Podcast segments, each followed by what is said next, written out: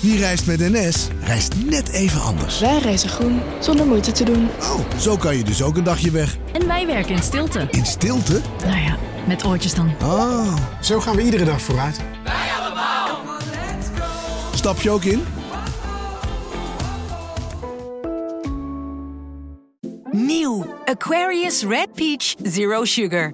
Met zijn heerlijke frisse persiksmaak zonder suiker draagt Aquarius bij tot jouw dagelijkse hydratatie en helpt zo mee om je vochtbalans op peil te houden tijdens alledaagse actieve momenten. Thuis, op het werk of onderweg. Ook verkrijgbaar in smaken lemon en orange. Probeer hem nu. Vanaf de redactie van NRC het verhaal van vandaag. Mijn naam is Floor Boon.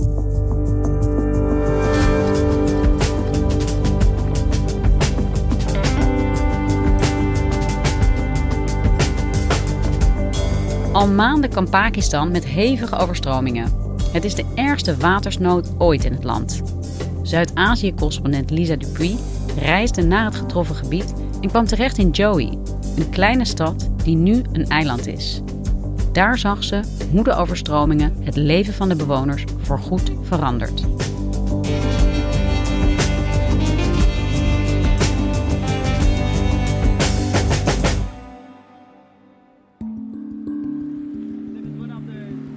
Twee weken geleden stapte ik in een eh, klein vissersbootje, een motorbootje. En voer ik door de Pakistanse provincie Sindh. Dat is de laagst gelegen provincie eh, van dat land. Een provincie met een eh, flinke rivierdelta. En het was een bloedhete dag, benauwd, want de zon scheen op het water. En ehm, dat, dat, dat zorgde voor enorme benauwdheid. En het water waar ik overheen voer, dat was eigenlijk heel vies. Het was bruin, geel, het stonk. Het stond stil. En dat komt omdat dit niet een eh, natuurlijk meer was of zo waarover ik heen eh, voer. Maar ik was op reis door het overstromingsgebied in Pakistan. Dus af en toe voeren we met ons bootje zelfs langs de, de, kruinen van bomen die eh, helemaal onder water stonden. Ik zag aan de horizon een soort halve minaret van een moskee van een klein dorpje dat nog net zo boven het water uitpiepte. En eh, op sommige plekken stond het water wel eh, op diepte van drie meter. Nou, dat was een, een tocht van, ik denk ongeveer eh, een half uur. En toen kwam ik aan bij een grote dijk. En daar wachtte mij op meneer Gadoum Hussein Gosso. Een grote lange man die enthousiast uit zijn ogen keek. Hij had een volledig witte kurta aan, dus hij was volledig in het wit gekleed. En hij stond midden op die, op die modderige dijk en heette mij welkom in zijn stad, in Johi.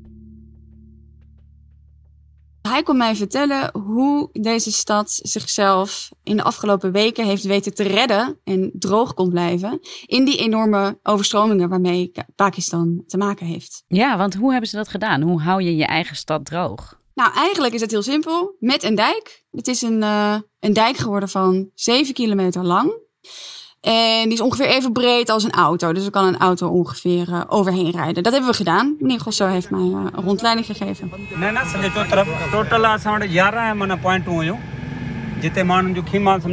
De mensen in Johi die hebben dag in, dag uit, s'nachts met z'n allen vrijwillig gewerkt aan het verstevigen en ophogen van de dijk die al ooit om hun stad heen was gelegd. So day and night they yes, worked on the dike. How long did it take to build it up again? Laga, die. En zij zijn dus opnieuw zelf eh, zand gaan afgraven, zelfs van hun eigen akkers. En eh, ze hebben zandzakken gekocht en ze zijn aan het werk gegaan.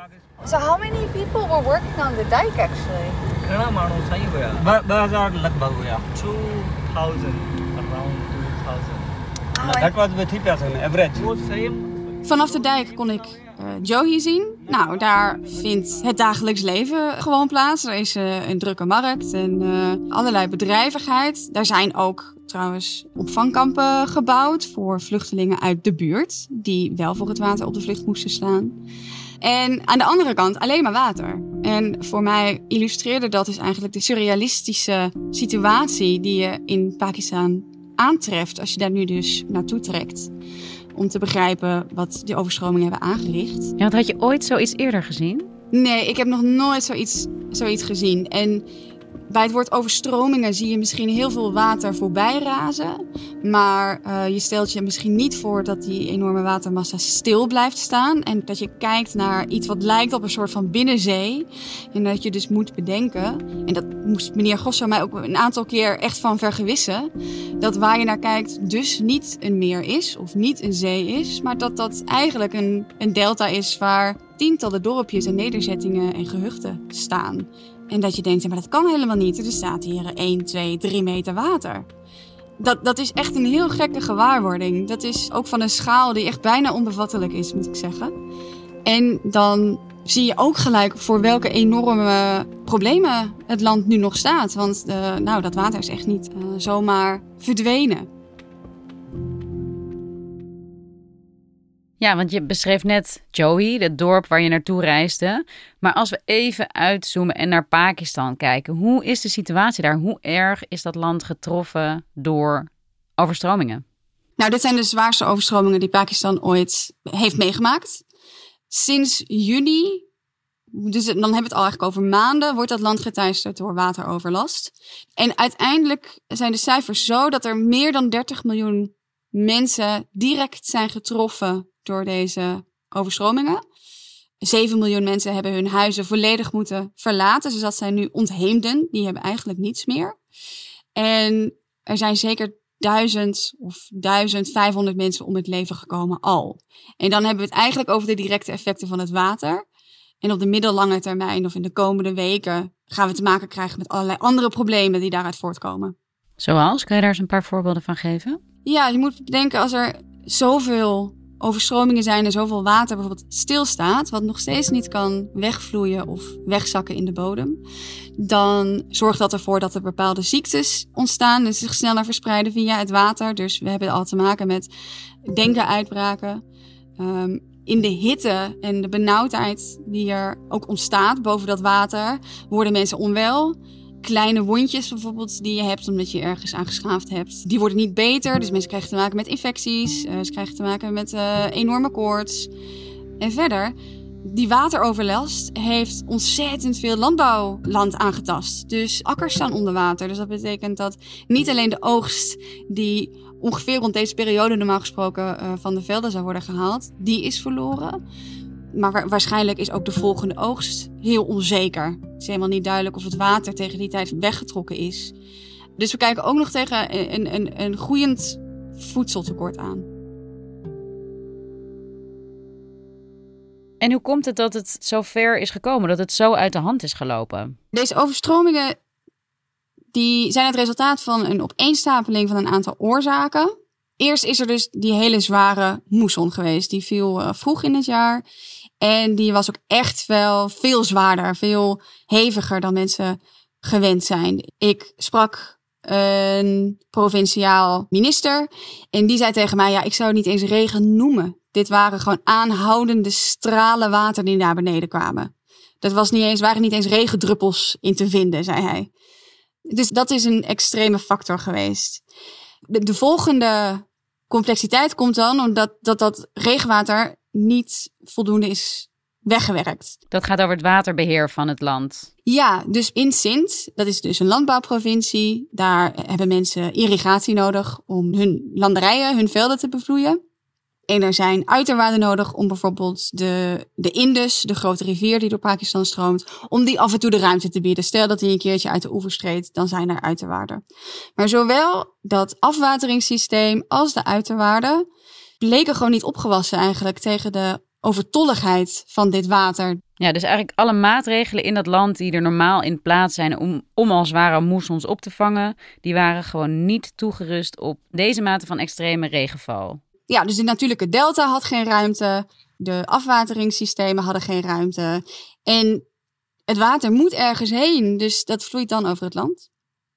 Ja, de overstromingen die zijn begonnen in juni. We zijn inmiddels vier maanden verder. Is het einde al een beetje in zicht in de zin van, wordt er alweer gedacht aan opbouwen? Kan Pakistan alweer verder? Nee, daar is eigenlijk helemaal geen sprake van. Dat komt omdat het water heel erg langzaam zakt. Op veel plekken eigenlijk nog gewoon stilstaat. En totdat het verdwenen is, kunnen mensen eigenlijk helemaal niets. Sterker nog, het heeft ook lang geduurd voordat noodhulp überhaupt op gang kwam. Voordat mensen bereikt konden worden. Dus mensen zijn nu eigenlijk nog steeds vooral bezig met hoe krijgen we de juiste hulp bij mensen? Hoe kunnen we ze bereiken? En dat zag ik dus in Yogi ook.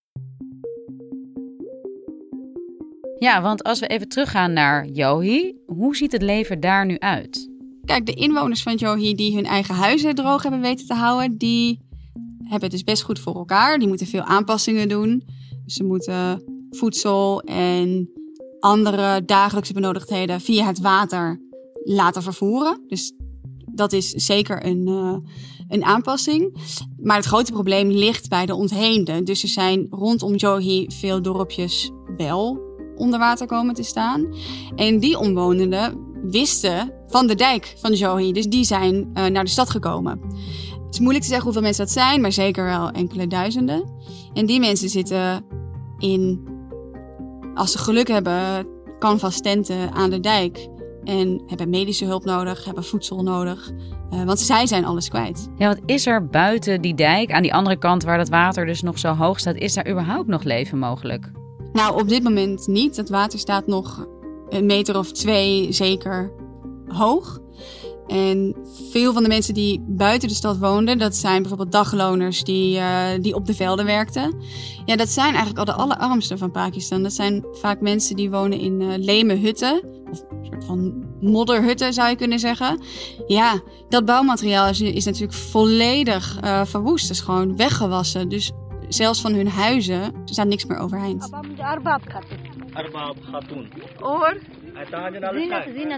Ik heb er daarvan eentje gezien, vlak buiten Johi, dus zeg uh, nou 300 meter van de dijk af, lag het overblijfsel van het dorp en het huis van Arbab Khatoon, een uh, jonge moeder die ik uh, kon spreken.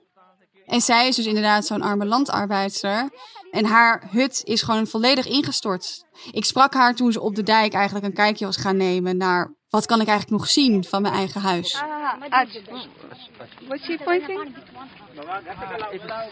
This is her house. This is your house. En uh, Arbab die wees mij naar een soort van samenraapsel van uh, wat boomstammen en een soort rieten dak. En uh, nou, ik kon nog net een dagbed, zoals mensen hier veel hebben, herkennen. En nou, ze zeiden, dat is het. Dat, dat is mijn huis. Ja, dat was best wel een emotioneel moment.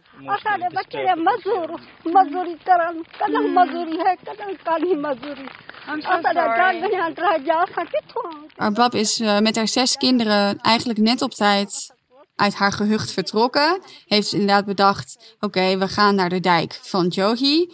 Moest al door het water waden. Haar kinderen hield ze boven haar eigen hoofd.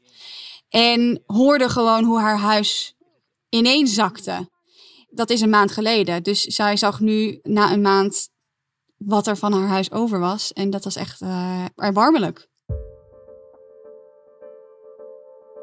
En hoe gaat de regering van Pakistan om met deze enorme ramp? Zijn ze in staat om snel hulp te bieden? Uh, kunnen ze overal bij? Nou, vooral dat laatste is een heel groot probleem. Als er overal water is, als al het land overstroomd is, dan is het heel moeilijk om mensen te bereiken. En de Pakistanse regering die heeft ook echt wel laten weten dat ze heel erg in de maag zit met de nasleep van deze ramp. Dus zij zeggen, nou we hebben eigenlijk het geld niet om iedereen te bereiken, om iedereen in de komende maanden bijvoorbeeld ook te kunnen voorzien van structurele hulp. Laat staan dat we kunnen gaan nadenken over het herbouwen van, uh, van dorpen of zelfs belangrijke infrastructuur die is uh, weggeslagen. De Pakistanse premier die had het eerder over oneindig veel hulp die zijn land nodig heeft. Interessant is dat die hulpvraag aan het Westen heel expliciet wordt gemaakt. Bijvoorbeeld door de klimaatminister die Pakistan ook heeft. Dat is Sherry Regman. En zij zegt dat die hevigheid van die overstromingen... dat dat een resultaat is van klimaatverandering. This is clearly a climate crisis of the decade.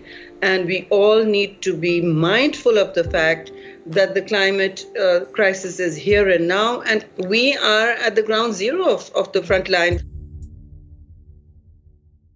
Dus eigenlijk sinds het begin van de overstromingen is haar lijn en ook haar oproep aan, uh, aan de rest van de wereld en vooral het Westen, is landen die schuldig zijn aan die klimaatverandering, dus de landen, de westerse landen die het meeste schadelijke broeikasgassen hebben uitgestoten in hun uh, geschiedenis, die moeten nu bijdragen aan het oplossen van onze ramp. It is definitely a climate catastrophe of unprecedented proportions, and no country, province, or region can cope with this alone. Ja, dat is een interessant punt. Heeft ze daarmee ook een punt? Nou, dit is een goede vraag. Uh, het is een lastig verhaal. Experts zeggen voor individuele losse klimaatextremen is het heel moeilijk het aandeel van klimaatverandering daaraan te koppelen. Tegelijkertijd heeft deze minister in brede zin wel een punt. Pakistan is een heel arm land dat misschien maximaal 1% van de schadelijke broeikasgassen veroorzaakt. En volgens de experts van het IPCC is Pakistan ook een land dat bijzonder kwetsbaar is voor die effecten van klimaatverandering. Dus je kunt wel zeggen dat Pakistan onevenredig en oneerlijk hard wordt geraakt door de gevolgen van klimaatverandering, terwijl ze aan klimaatverandering als land eigenlijk niet echt bijdraagt. Wat in dit specifieke geval de discussie wel compliceert, is dat we ook kunnen aantonen, ja, uh, die Indus-delta, daar, daar zitten problemen in het afwateringssysteem. Uh, de drainage wordt daar niet goed onderhouden. Daar is niet genoeg aandacht geweest voor onderhoud in de afgelopen jaren. Dus het zijn wel twee oorzaken die samenkomen en niet alleen klimaatverandering. Ja, het is een belangrijke discussie. Ook de vraag wie is er het meest verantwoordelijk voor klimaatverandering. En als het dan gaat over verantwoordelijkheid nemen bij een ramp als deze, doet de internationale gemeenschap dat dan ook? De politieke discussie over verantwoordelijkheid, daarop is de internationale gemeenschap niet echt ingegaan.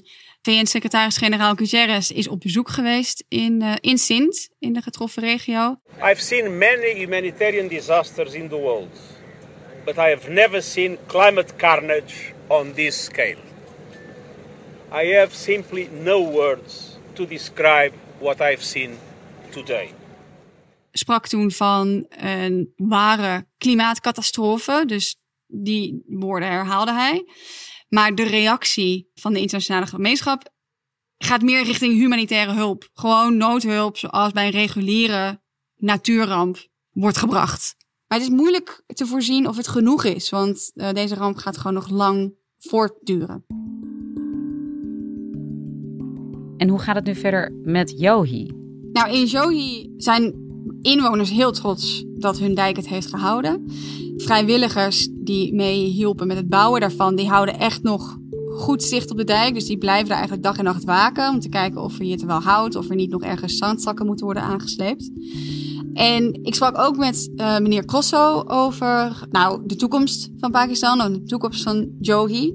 Hij heeft een plan. Hij wil heel graag dat de dijk, die zij dus zelf gebouwd hebben, dat dat een ringweg wordt. Dat die geasfalteerd wordt en dat dat een permanent onderdeel van de, van de lokale infrastructuur wordt. En dat is best wel een sluwe oplossing van hem, omdat het wegenonderhoud een taak is van de staat. Dus dat zou betekenen dat er budget wordt vrijgemaakt voor het onderhoud van een echte waterkering. En dan zou Johi natuurlijk uh, de stad ook bij een volgende watersnood veilig zijn. Dat klinkt heel goed en uh, ook een beetje hoopvol. Dankjewel, Lisa. Graag gedaan.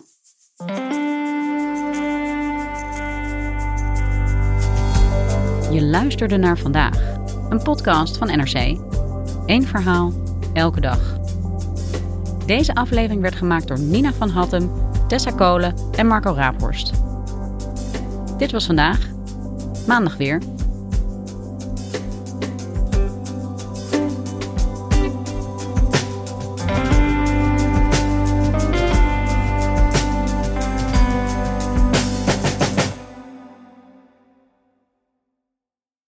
We zijn heel benieuwd wat jij van onze podcasts vindt. Je helpt ons enorm door een korte vragenlijst in te vullen op nrc.nl/slash podcastonderzoek. Dankjewel.